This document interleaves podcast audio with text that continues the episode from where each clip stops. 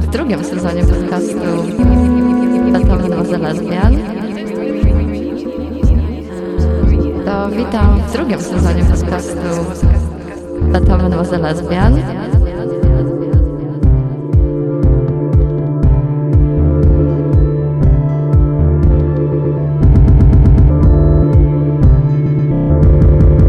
Jeszcze raz trochę ustawię tutaj, tutaj, tutaj. Dobra, jest ok. Jest kit. Okej.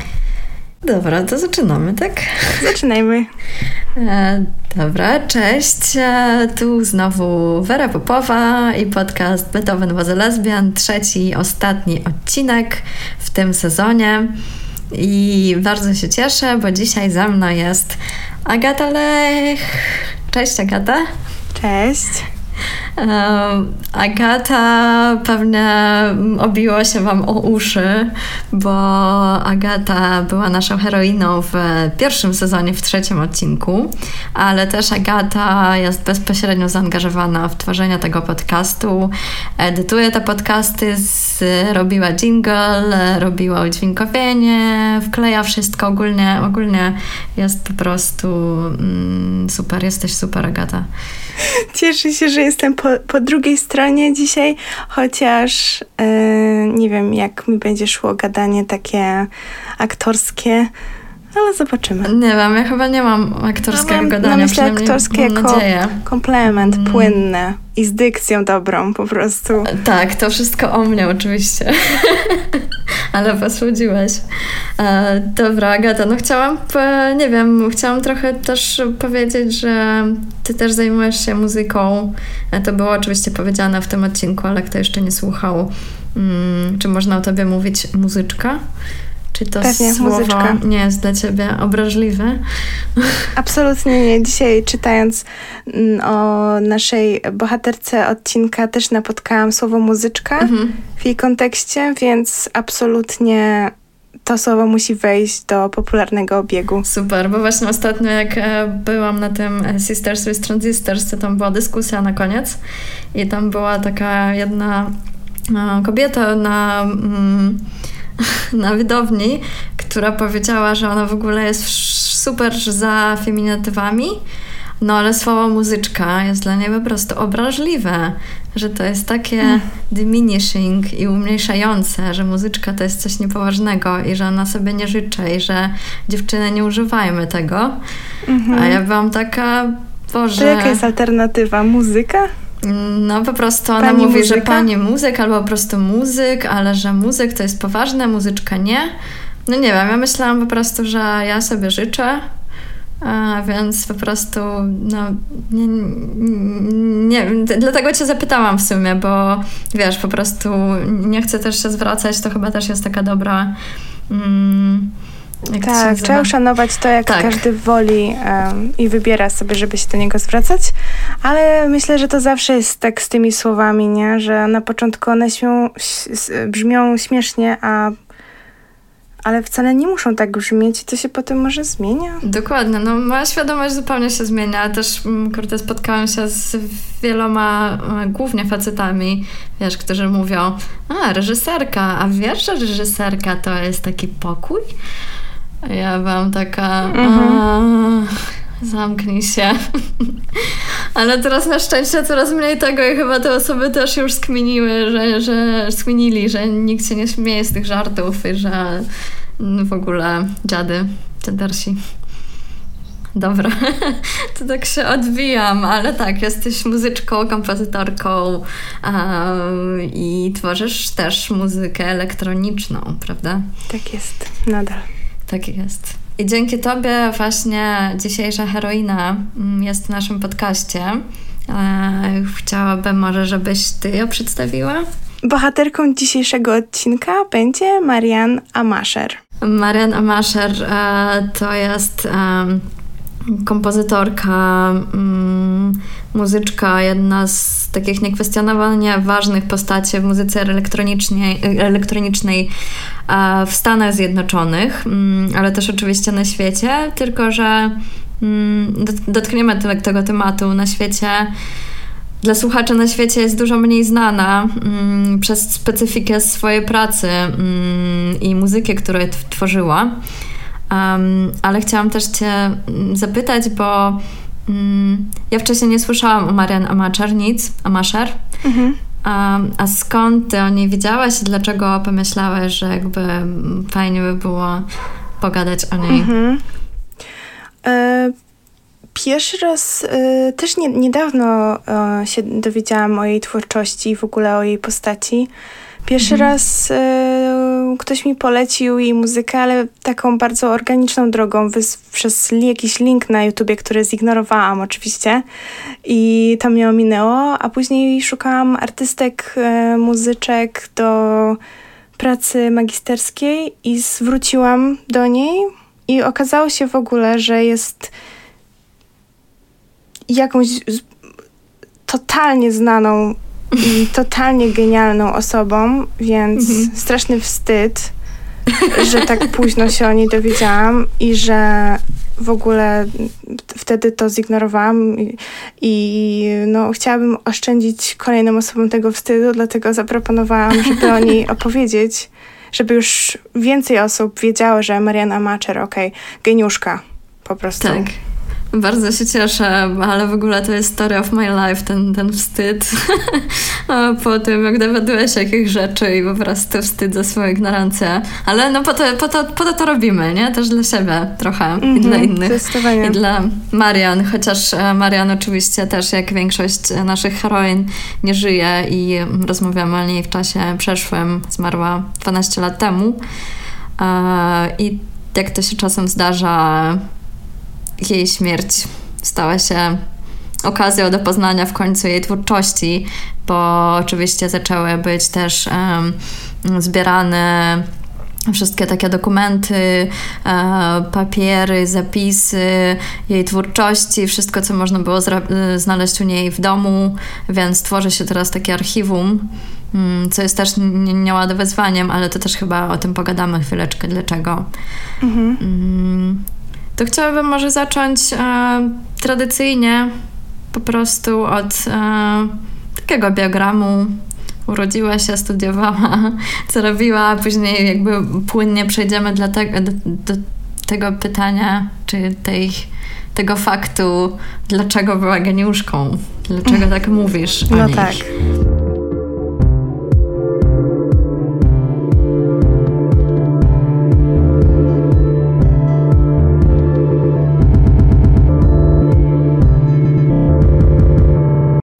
Tak, Marian urodziła się w 1938 roku w Pensylwanii. E, studiowała też e, na Pensylwańskim Uniwersytecie. E, studiowała muzykę. I jednym z jej wykładowców, to mm, było ważne, tak zaznaczała w swoim, swoim też biogramie, był niemiecki kompozytor awangardowy Karl Heinz Stockhausen. Um, jak mówiła Marian później, gdyby nie studiowała wtedy u niego, bo reszta, mm, reszta jej studia była dość taką klasycznym podejściem do muzyki, to prawdopodobnie zajęłaby się biochemią. I tu jakby już e, mhm. e, widzimy jakieś takie załączki, początki tego, co Marian interesuje i interesowała w muzyce. Mm, że działa, interesowały jej nie tylko jakieś czysto muzyczne rzeczy, ale też fizyczne. Um, ale nawet podczas e, pierwszych lat studiów jej podejście do muzyki już było tak rewolucyjne, że sam Stockhausen uznawał ją za kosmitkę. To jest takie, nie wiem, zawsze mam problem z takimi zdaniami. Wydaje mi się, że nie, nie, nie, nie mają w sobie nic pozytywnego. nie wiem, czy takie nazywanie kogoś kosmitką w 1950 latach e, miało za sobą jakąś dobrą podstawę, ale może, może nie chcę. Nie miał wtedy, nie miał wtedy jeszcze takich zasobów, żeby ją zrozumieć. Myślę, że tak. Na pewno, na pewno tak było. E, już na tych studiach um, taka wczesna działalność Amasher to um, były takie dźwiękowe eksperymenty formalne, ale także zaczęła je interesować um, doświadczenia, sposoby doświadczenia przestrzeni muzycznej mhm. i w ogóle przestrzenność muzyki. Ona też ukończyła akustykę, akustykę oraz informatykę e, na Uniwersytecie w Illinois. No i tutaj dochodzimy jakby do jej faktycznego rozpoczęcia takiej działalności artystycznej po studiach. Ona dołączyła do kolektywu e, radykalnych amerykańskich eksperymentatorów i nawiązała bardzo bliski kontakt z Johnem Cage'em. Mm, artyści współpracowali przy dwóch projektach Cage'a. Jeden z nich nazywał się e, Lecture on the, on the Weather i drugi e, Close Up Empty Words. E, nie wiem, czy czytałaś może o tych projektach coś, czy kojarzysz te projekty? Mm, szczerze mówiąc, nie do końca. Mhm, bo um, jakby to były te wykłady o pogodzie Cage'a były, składały się z trzech różnych części i tak jak jest w e, tytule, mm, to każda część e, e, był taki dźwięk różnych odgłosów przyrody, czyli wiatru, deszczu albo piorunów. I właśnie Amasher była odpowiedzialna za nagrania tej pogody. Mhm. I później w trakcie tych wykładów, tego performance'a ona miksowała na żywo te rzeczy w czasie, w czasie wydarzenia. Mm. Empty Words, czyli ten drugi projekt Cage'a, e, był jakimś mega mm, też wymagającym projektem. Nagrania wynosiły około 10 godzin. E, były bardzo skomplikowane i właśnie Amasher też była odpowiedzialna za produkcję i edytowanie tego. Mm, no i tak jak ona zaznacza też w swoim w swoich biogramach, w swoich wywiadach, e, że współpraca z Cage'em E, była bardzo istotnym momentem dla rozpoczęcia jej takiej indywidualnej kariery, indywidualnych poszukiwań. E, to była impulsem mm, do jej kolejnych rzeczy, co ona zaczęła później robić. Mm, nie wiem, czy ja nie zanudzam tutaj wszystkich tymi programami, ale już, już dochodzimy do najciekawszych rzeczy. Uwaga! um, na początku lat 70. Amasher e, odbyła szereg stypendiów artystycznych w różnych instytucjach na całym świecie i e, stała się być kojarzoną z pionerką muzyki na odległość, e, bo zaczęła rozwijać swoje mm, cielesne, uwykłane kompozycje dźwiękowe. No i tutaj dochodzimy do istoty zainteresowań Marian, bo ona zaczyna prowadzić takie długoterminowe badania które, nad muzyką, które trwają już do końca jej życia i są to mm, tak zwane otoemisje akustyczne, czyli mhm. E, a te emisje akustyczne. Tak, proszę. E, też nie wiedziałam, co to jest takiego, mhm. ale dowiedziałam się, e, że to jest w ogóle w, w, w um, odkryta taka funkcja fizjologiczna mhm. właściwie ucha wewnętrznego, mhm. y, która została jakby mm, odkryta i opisana y, naukowo w tym samym czasie mniej więcej, kiedy Marianne Czyli to było bardzo świeże dla niej wtedy, bo to było w 1968 roku. Mhm. Y, od, zjawisko elektroakustyczne odkryte przez Dawida Kempa, które polega na tym, że ucho wewnętrzne produkuje. Produkuje? Wy, mhm. Myślę, że produkuje, wytwarza? Produkuje, wytwarza sygnał elektroakustyczny dźwiękowy, który jest emitowany w odpowiedzi na bodziec zewnętrzny zazwyczaj. Czyli można to w skrócie nazwać takim szumem w uchu w trakcie słyszenia e, konkretnych dźwięków, zazwyczaj raczej wyższych dźwięków. I to zjawisko było opisane głównie w, w medycznie i w, jest do tej pory klinicznie wykorzystywane um, do um, diagnozowania ubytków słuchu, głównie w, u, u bardzo małych dzieci który, czy u osób, które nie mogą współpracować e, w inny sposób. Ta zasada działania tego się za bardzo nie zmieniła, to znaczy nie, nie została jakoś, jakoś przekształcona, bo to jest po prostu e, reakcja na bodziec dźwiękowy. I Amasher wykorzystywała to właściwie w, w ten sam sposób, tylko naprawdę bardzo analitycznie i to jest ciekawe, że przez to, że ona się zainteresowała właśnie tym, tym dźwiękiem, e, ona tak bardzo ładnie to nazywa po angielsku, mówiąc, że um, the sound that, that the ear is sounding, not uh, hearing.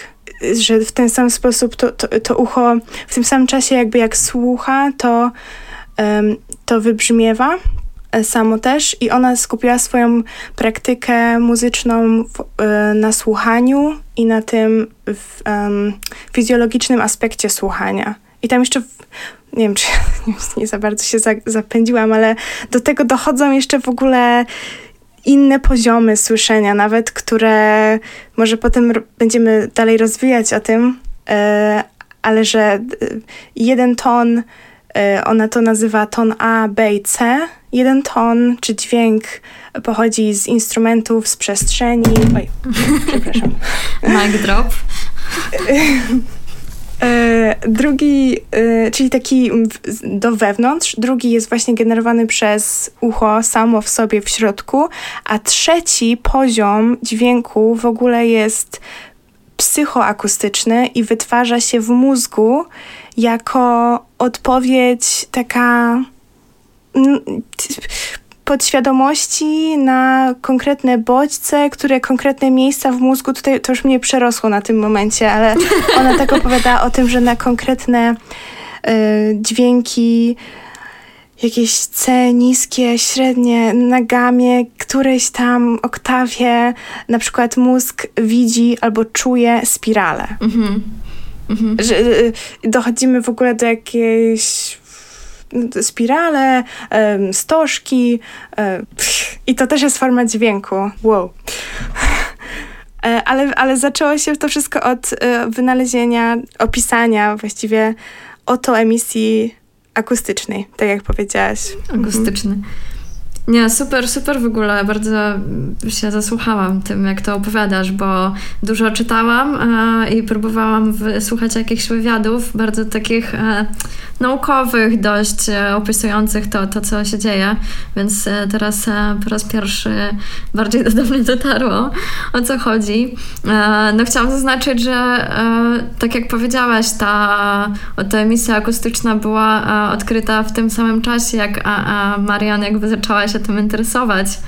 Um, I więc te wszystkie rzeczy, które ty teraz opowiadasz, że jakby mm, jest moment e, przy odpowiednich dźwiękach, kiedy powstaje właśnie ten e, dźwięk e, w uchu wewnętrznym, później jakaś reakcja mózgowa, że to nie było takie, że ona o tym wiedziała wszystkim, nie? Wcześniej. Mhm. Ona właśnie to odkrywała też i po prostu setki godzin, nie wiem, chyba bardzo szczegółowo, bardzo to była pewnie marudna praca, e, bardzo czasochłonna. Przestawić, e, nie wiem, ton dźwięku, przestawić trochę mhm. głośnik, e, nie wiem, zmienić delikatnie coś, żeby w ogóle zacząć to doświadczać. Mhm. Mm, to pewnie nie było takie proste, nie? że już, już znasz formułkę, jak to się robi i robisz to. Tak, w ogóle ona w jednym z wykładów też opowiadała, że uczyła się, studiowała akustykę. Mhm. Później usłyszała o tych nowych badaniach akusty e, akustycznych bardziej z dziedziny biologicznej i zaczęła po prostu, jakby, wiesz, wybuchło jej coś w głowie, że, mhm. że ona się o tym uczyła dosłownie przed chwilą i w ten czas jeszcze nie miało to takiego przełożenia, a nagle odkry, odkryła, czy odkryty zostaje prze, przed nią zupełnie nowy aspekt i to zmienia w ogóle wszystko. Mhm. Zmienia całe słuchanie, że wewnątrz słuchacza, mhm. tak w uproszczeniu też produkuje się dźwięk. Mhm. A tak, ja w ogóle nie powiedziałam tego, miałam takie zaplanowanie, zaplanowane zdanie e, ładne na samym początku, ale chyba go nie powiedziałam, bo Marian mówiła o sobie, że jest wiedźmą, która zmienia czas i przestrzeń. To jest mocne I, zdanie, no. Tak, i właśnie chyba o to chodzi, nie? O tym, o czym teraz mówimy. E, teraz trochę e, dotykamy tej kwestii dźwięku, mm, no ale też jest kwestia przestrzeni te wszystkie jakby rzeczy, z którymi ona pracowała, głównie ona się zajmowała takimi ogromnymi instalacjami, tak, multimedialnymi. Um, tak, jak... bo to wszystko, wszystkie te badania jej od, musiały się odbywać w jakiejś przestrzeni mhm. i musiały się odbywać w, um, włączając w doświadczenie materię, e, wszystkie powierzchnie właściwie, czyli też całą architekturę miejsc, w których ona emitowała dźwięki. Mhm. W ogóle powinniśmy wrócić chyba jeszcze do, tej, do tego projektu City Links. Mhm. Tak, e, są wymieniane takie trzy dzieła najważniejsze muzyczne am Amasher. E, ona sama tak wymieniała mm, i były to trzy serie instalacji multimedialnych, e, które zaczęła tworzyć właśnie od tych lat 60. i tworzyła aż do roku 2009, czyli roku, w którym zmarła. I to był jeden projekt, nazywał się City Links, drugi Music for Sound Joint Rooms i trzeci to Mini Sound Series.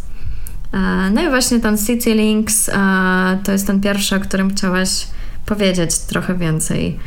Tak, bo zorientowałam się, że wyprzedziłyśmy trochę chronologicznie jej pracę, a to pewnie mm, jak się o tym po kolei opowiada, to pewnie jedno z drugiego zaczyna wynikać lepiej. Więc cofnijmy się do lat 60. Trudno, już się zachwyciłyśmy po prostu, tak, ale możemy się ale cofnąć. to jest też fascynujące. tak. Jak y, to właściwie zaraz po studiach, czy jeszcze nawet jak studiowałam, nie jestem pewna, ale jakoś tak na początku rozwijania kariery y, czy, czy praktyki mhm. Y, zrobiła taki projekt, w którym przy użyciu też wtedy nowej technologii teleradiowej mhm. ustawiła odbiornik teleradiowy, czyli taki telefoniczny mikrofon mhm. E, w jednym miejscu, w miejscu A i odsłuch w miejscu B. I właściwie to B, ten odsłuch był bardzo mobilny, bo w każdym miejscu innym później mogła się podłączyć do tego, do tej linii, na której leciał jej sygnał. Z tego um, miejsca A, tak? Z tego miejsca A. Mhm. I to miejsce A to było, to był e, port w Bostonie, Mhm. E, a na początku miejsce B to był e, w Buffalo w Nowym Jorku, gdzie było jej studio.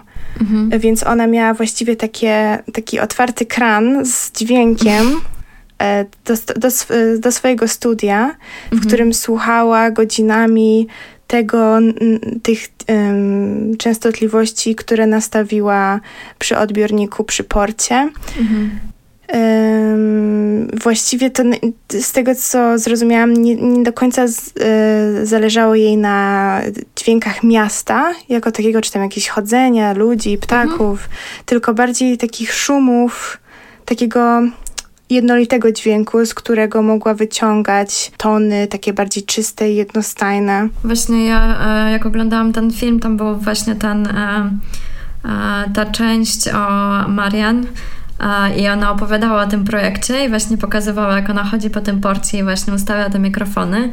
I też mówię, że rzeczywiście nie interesuje tam dźwięki statków czy dźwięki ludzi, tylko ona mówi, że każde miejsce ma jakąś swoją, swój nastrój jakiś dźwiękowy. Mhm. E, więc to nie jest jakby dźwięk, tylko to jest też takie coś, jakby co łączysz też z mózgiem, ze wspomnieniem, odwołujesz się do jakich uczuć. E, więc e, tak, to, to tylko chciałam powiedzieć, że mhm. E, tak, rzeczywiście tam nie chodziło o to, że o teraz tam dudni statek, no to jest port. Nie, tylko jakieś takie głębsze w ogóle pokłady. Mhm. To jest ciekawe, bo, bo ktoś inny zrobił taką pracę właściwie, to, właśnie, to chyba był Schaffer, nie jestem pewna, ale to była właśnie taka instalacja dźwiękowa, y, gdzie on y, w ogóle z, y, mm, pojęcie soundscape unaocznił i wykorzystał. Ciekawe, czy ona mhm. zrobiła trochę w odniesieniu do tego. To, nie, to trzeba sprawdzić. Tutaj odnoszę słuchaczy do sprawdzenia i zachęcam. Które, tak, co, który projekt do... był pierwszy i czy może one ze sobą mm, dyskutowały. Jeżeli jestem zupełnie off w, w dacie, to też przepraszam, bo tak też może być. Ale tak mi się skojarzyło. Ale Fajnie, mamy teraz pracę domową, to jest prawdziwy projekt edukacyjny. Napiszcie nam w komentarzach, czego się dowiedziały, dowiedziałyście, dowiedzieliście. Tak, super, super. No widzisz, wprowadzasz nowy w ogóle wymiar tutaj wszystkiego. Swoimi brakami. No tego researchu jest tak dużo do zrobienia i tyle czytania, że no, każdy musi sam to robić, jak jest zainteresowany. No ale umówmy się, że ty tak naprawdę wiesz o tym, prawda? Tylko po prostu A, nie, teraz no tak, specjalnie tak, jakby tak wprowadzasz nas w błąd, tak żebyśmy po prostu mogli tak interaktywnie trochę podziałać. Gotcha. Także no super, super. Jesteś szczwanym, szczwaną liską. tak, więc jakby to jest taki jeden z jej projektów, e, który był pierwszy z tych takich dużych. Mhm.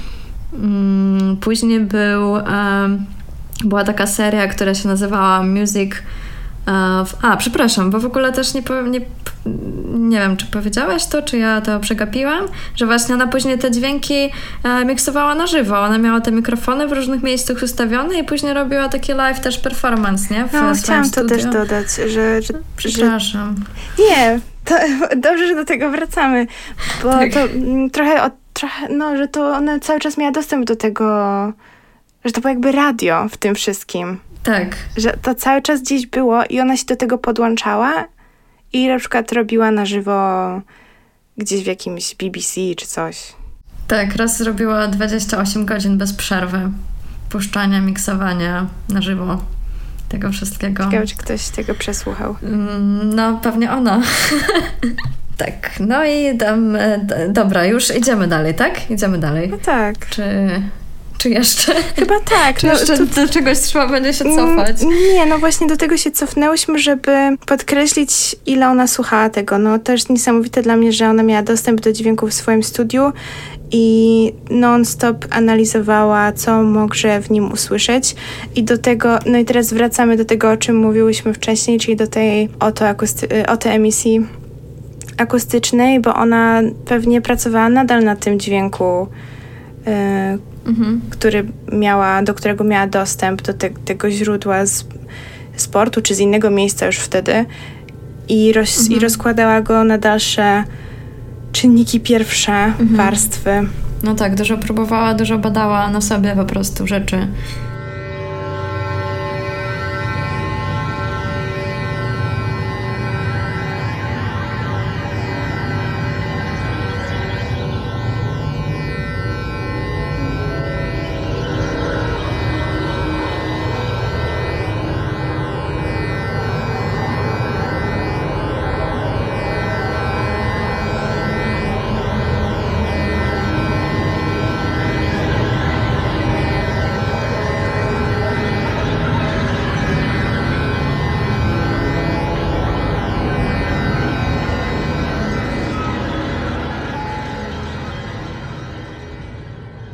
Dobra, idziemy do następnego, um, następnej serii, która się nazywa Music for Sound uh, Joint Rooms.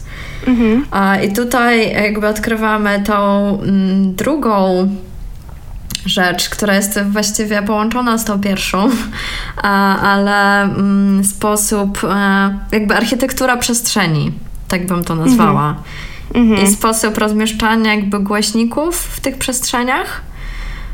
Wydaje mi się, że to jest jakby ten um, clue tych, tej pracy Music for Sound Joint Rooms. Tak. Czy zgadzasz się, czy mm, jakbyś inaczej to określiła może? Zgadzam się. Jej zaczęło bardzo zależeć na tym, żeby dźwięk przechodził nawet nie tylko od ściany do ściany, ale jeżeli zajmowała się jakimś budynkiem, to żeby przechodził z pokoju do pokoju, żeby materiał, przez który przechodziły fale, też był do, dostosowany do precyzyjnie do tego, jaki ton ona będzie wydobywała. Na przykład mówiła o tym, że przez drewno ko konkretne tony przechodzą z taką szybkością albo tak się rozpraszają i będą brzmiały, będą się zmieniać w inne tony, a przez beton w ten sposób, a przez metal w ten sposób mm, inne powierzchnie mhm. inaczej rezonowały i absorbowały dźwięk, więc to zaczęło, ona zaczęła budować właściwie takie wielkie instalacje rzeźby, używając konkretnych materiałów, ale nadal używając dźwięku jako mhm. najbardziej konkretnego materiału, bo jakby wszystko i tak się skupiało na tym, żeby usłyszeć poprzez te wszystkie materie mhm. ten dźwięk, który ona chciała spec specjalnie, żeby, żebyś usłyszała. Mhm, usłyszała, ale też chyba poczuła, nie? Bo wydaje mi się, że niektóre te dźwięki, te, te rezonowania tej przestrzeni, e, to po prostu, po prostu tak neurologicznie przechodziły czasem przez twoje ciało, że jakby ucieleśniała też te dźwięki. E, no, te pewnie. doświadczenia. Czyli jakby zwizualizujmy to, tak żebym mogła sobie to wyobrazić, że, mm, że jest jakaś duża przestrzeń i te głośniki nieustawione są w taki sposób, że po prostu e, jakby tak naprzeciwko mnie i ten dźwięk dolatuje do mnie, tylko są ustawione do ścian, do podłogi, do sufitów, mm -hmm. może są w innym pokoju. A, tak, i jakby to wszystko tworzy taki właśnie dziwny, dziwny, nie wiem jak to nazwać, pejzaż, jakąś dziwną architekturę e, dźwiękową, przestrzenną. Ja też tak sobie to wyobrażam, że właśnie y, głośniki są odwrócone do ścian. Mhm. I że jakby te ściany w pewnym sensie stają się głośnikami, czyli jakby takimi przenośnikami dźwięku, tak? Mhm. Tak mi się przypomniała jakaś praca, byłam kiedyś w Kijowie na w galerii i tam była praca, po prostu były głośniki ustawione i świe świeczki z ogniem mhm. i po prostu było widać jakby ruch ognia w zależności od tego, mm, jaki dźwięk wy wychodził z tego głośnika, nie? Że jakby ta, to rezonowanie. Mm, mhm. I to było niesamowite. To było tak proste, mhm. ale jakby tak fajnie po prostu uświadomiłam sobie też taką fizyczność tego dźwięku, cielesność tego dźwięku. Mhm. Jakoś tak mi się przypomniało teraz e, w ogóle nie... To było wiele, wiele, wiele lat temu, ale były takie dźwięki, które na przykład zgaszały te świeci, nie? Wow. E, to było super. Nie pamiętam, kto to był i nie pamiętam, gdzie to było, ale e, tak, coś mi się tutaj wydobyło z pamięci. Taka rzecz wspaniała. To jest niesamowite, jak się niewidzialne rzeczy nagle uż, uwidaczniają. Tak. Czytam taki fragment e, tekstu, który ona napisała, bo chciałam wrócić do tego mhm. obrazu e, te, tej instalacji. To przeczytam kawałeczek bo to jest takie... Dobra, oczywiście. Hmm, śmieszne trochę, że ona tak, y, takich słów używa. Y, mhm. Pisze, używam konwencjonalnie ustawionych głośników w instalacjach, aby jedynie zrównoważyć i kontrolować rozchodzenie się dźwięku. Czasami lubię z głośników robić część wystawy, w cudzysłowie, traktować je jako stwarzające iluzje obiekty. To jest takie, które wydają się nie produkować żadnego dźwięku, kiedy stanie się obok nich, ustawione są duże paczki na podłodze, co bierze się z tego, iż słyszana muzyka w danej przestrzeni przewodzona jest przez strukturę, przenoszona przez ściany, mhm. korytarze itd., tak, tak aby wybrzmiewać dokładnie nad Twoją głową. Koniec cytatu. Czyli nawet te e, głośniki, które my sobie wyobrażamy, to i tak to nie jest tak, że staniesz koło tego głośnika i słyszysz dźwięk. To jest pułapka. To mhm. wszystko jest i tak pozmieniane. Ona ma pełną kontrolę nad mhm. tym. Boże, zaraz, zaraz mi mózg wybuchnie po prostu. Wydaje mi się, że nie można tego wyobrazić. No i jakby tutaj e, wydaje mi się, że też dochodzimy do tego e, tematu nie ma prawie jej e, jakby utworów i rejestracji takich zapisanych bo przez większość czasu w ogóle jakby nie było nośników, na których było to możliwe. Wszystkie rzeczy, wszystkie instalacje, które ona tworzyła, e, mhm. były do słuchania na żywo, bo to były duże instalacje, to wszystko zależało od przestrzeni, od ustawienia, jakaś bardzo precyzyjna praca, bardzo precyzyjne doświadczenia widza. Nie usłyszymy tego i nie doświadczymy tego siedząc w domu i puszczając tego na, nie wiem, na MacBooku. Mhm. W ogóle to nie ma, nie ma żadnego przełożenia. Często to są w ogóle na Spotify jest trzy takie um, utwory. E, Marian Amashar. E, dwie, dwa jakby są możliwe do słuchania. Jeden ma tak wysokie dźwięki w sobie. Ja siedziałam w pracy w słuchawkach i po prostu oszalałam tam po 20 sekundach. Wow. Mega wysokie.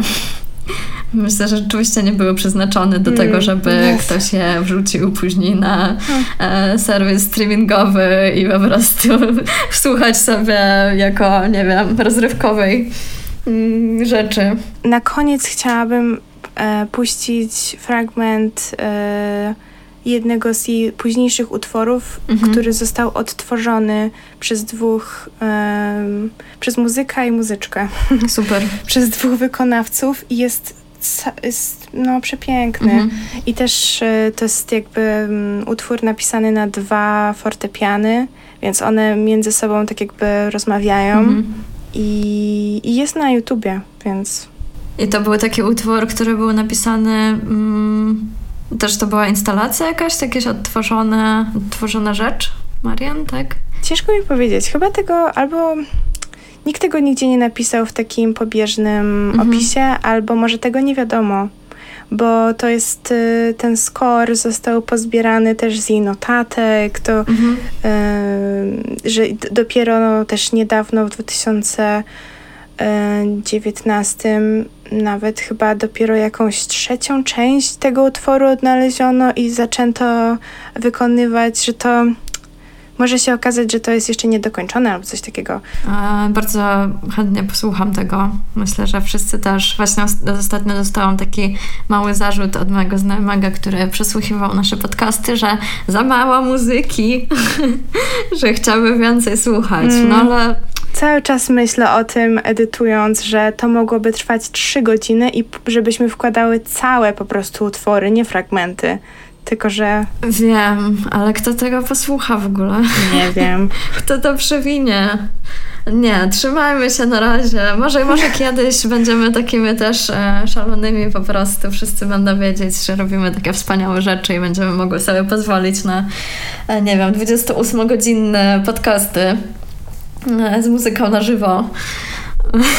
Każdy musi sobie wpisywać po prostu te nazwiska i szukać, odbywać swoją własną podróż, bo Tak, bo jest w sumie najciekawsze, prawda? Mm, Tak mi się wydaje. no pewnie jest bardzo dużo rzeczy tak naprawdę do słuchania tych kompozytorek. Tak, wydaje mi się, że jedna ciągnie za sobą drugą i trzecią i to po prostu już jest taki świat, który nagle odkrywasz i już nie możesz się oderwać od tego. Bardzo, mm, bardzo w ogóle się cieszę, że kiedyś się zajęłam tymi podcastami, mimo tego, że strasznie się bałam, a teraz e, tyle, tyle fajnych rzeczy się dowiaduję o świecie, o, o ludziach, o kobietach, że mm, w głowie się nie mieści. Już e, chyba powtarzałam to w innych, w innych e, odcinkach, ale no, naprawdę nie, to mnie fascynuje. Mega, mega uświadomiłam sobie. Dobra, wróćmy do, do Marian, heroiny naszej, która czeka. Chciałam może powiedzieć, że mm, to, co robiła Marian, to jest e, jakby proponowała też nowy sposób słuchania nietypowy, nieklasyczny, Mhm. em, niestały, nie w określonym miejscu, em, tylko no po prostu też em, dawała przestrzeń słuchaczowi, słuchacz, słuchaczce na to, żeby doświadczyć samej, bo rozumiem, że te dźwięki, które powstają jakby w twoim uchu wewnętrznym, każdy ma inne doświadczenie dzięki temu. Że nikt inny tego nie usłyszy. Tak. I to zależy od tego miejsca, gdzie stoisz, od ciebie po prostu, nawet od poziomu hormonów w twoim ciele. Totalnie, nawet od wieku. W ogóle ten sygnał e, zwrotny z ucha środko- wewnętrznego jest do 30 roku życia e, u człowieka. What? Z tego, co przeczytałam na. Wikipedii, więc to nie, nie musi być prawda, Mhm. ale że jakby potem zanika i już się nie usłyszy Tak. tego w ten sam sposób. Tak. Możesz tylko pamiętać. I ta cała muzyka, nie? To jest takie po prostu tak efemeryczna przestrzeń i przez to tak wyjątkowa i tak magiczna, no mityczna wręcz. Nie wiem, no a Marian też mówiła, zawsze nie wiem, jakoś porównywała te em, dźwięki, muzykę, którą robi do duchów, że trzeba nasłuchiwać duchy. I mi też to się skojarzyło z jak Dila Derbyshire robiła swoje też takie eksperymenty radiowe i na przykład nagrywała mm, no, jakieś dźwięki do, do tych esejów e, radiow, e, radiowych, to później ludzie dzwonili na BBC i mówili, że oni się boją, że to są dźwięki po prostu nie, nie z Tak. tego świata, że to po prostu szatańskie dźwięki. Proszę tego nie puszczać. Proszę tego nie puszczać. Tak, BBC, e, no. I tak, e, i tak, tak jest, nie? Jest jakiś taki mm, z tym dźwiękiem. Coś, coś w nim jest, że ludzie tak się boją, bo nie widzimy. To, to, Tak, to, bo to, to czego nie widzimy. Tak, to jest ta niewidzialność. Są częstotliwości, których nie słyszymy i co tam się dzieje, Mhm. kto je słyszy. Tak, po, prostu Wiesz, próbujemy sobie dużo. w głowie w, wymyśleć, kto może takie dźwięki i co może takie dźwięki wydawać. Mhm. A, I pewnie rzeczywiście może mogło to być, nie wiem, 50 lat temu w ogóle jakieś e, przerażające.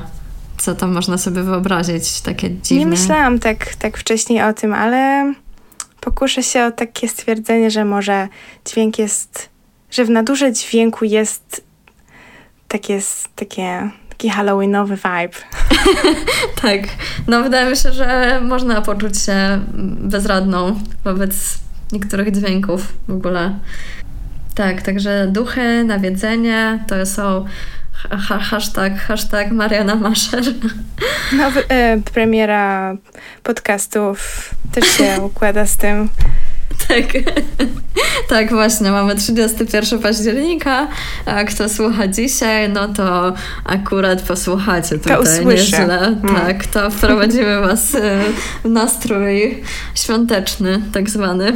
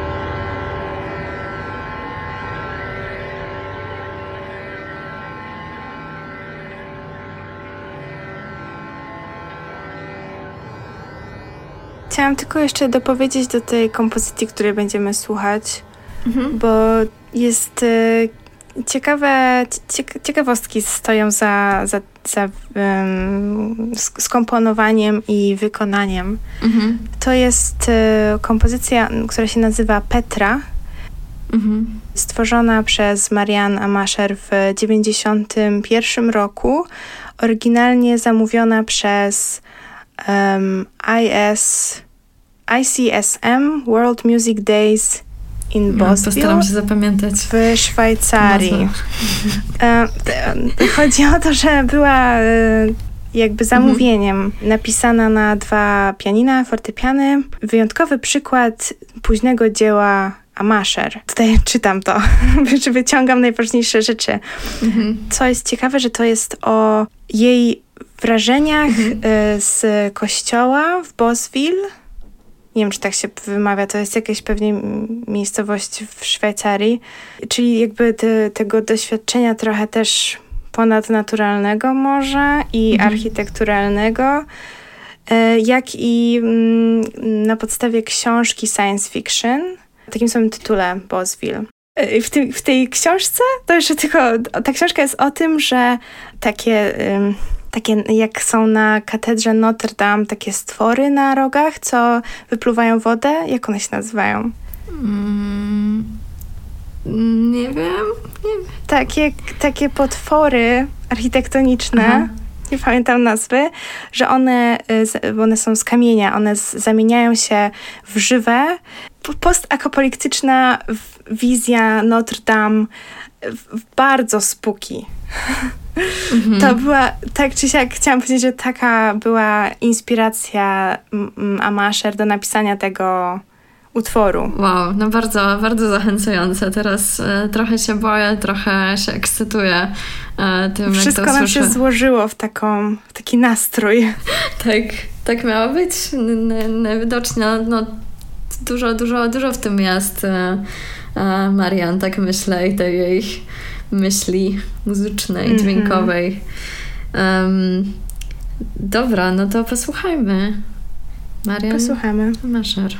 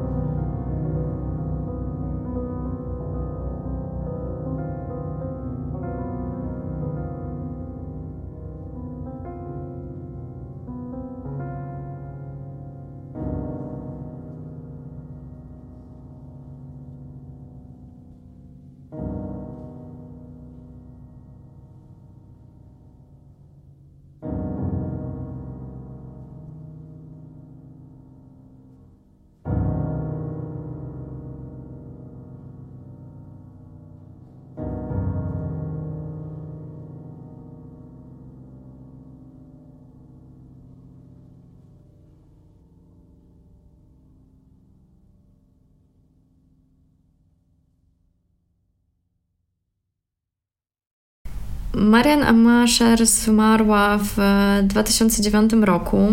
Miała udar i wtedy um, spędziła jakiś czas jeszcze w szpitalu i się okazało, um, że prawdopodobnie z tego szpitala już nie wyjdzie. E, I wtedy dwójka jej przyjaciół, kolegów e, zaczęła archiwizować rzeczy um, znajdujące się w domu E, Marian. Kupili pudła, aparat fotograficzny, zaczęli wszystko opisywać, e, nagrywać. Jakby założeniem było, że Marian jeszcze w szpitalu będzie mogła pracować z tym. E, no ale niestety po kilku miesiącach Marian zmarła.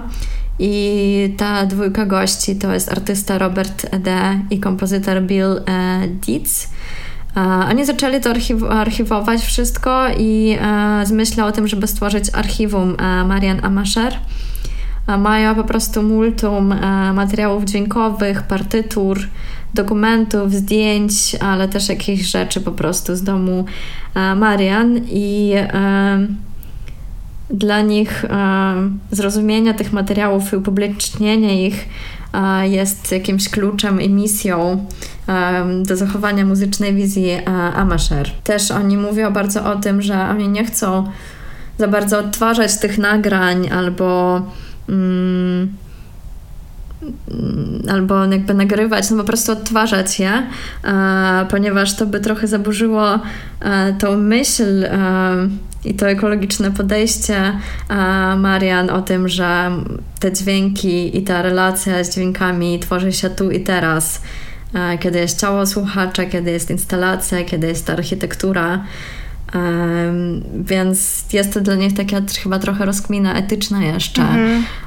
Chcemy kontynuować e, dzieła Marian, ale nie jest nie jest chyba właściwą metodą po prostu puszczania i odtwarzania tego, co ona już stworzyła. Możemy dalej próbować badać i zapoznawać się z tym, co, z tym, co jest, ale też nie... Nie ingerować w jej e, koncepcję. No, jakby zachować... Jej, filozofię. No tak, całą filozofię, etykę, etykę słuchania i tworzenia. No dobra. No dobra. Myślisz, że... A, możemy się pożegnać jeszcze. To co, będzie trzeci sezon? będzie, będzie trzeci sezon. Myślę, że tak. Myślę, że już tak się wciągnęłam. Nie wiem, jak Ci się podoba. E, e. Ja się na maksa wciągnęłam też bardzo chętnie, bardzo chętnie trzeci sezon. No to w takim razie coming soon. Śledźcie nas Wera Popowa, Agata Lech. Um, do usłyszenia. Do usłyszenia w trzecim sezonie. Pa, pa. Na razie.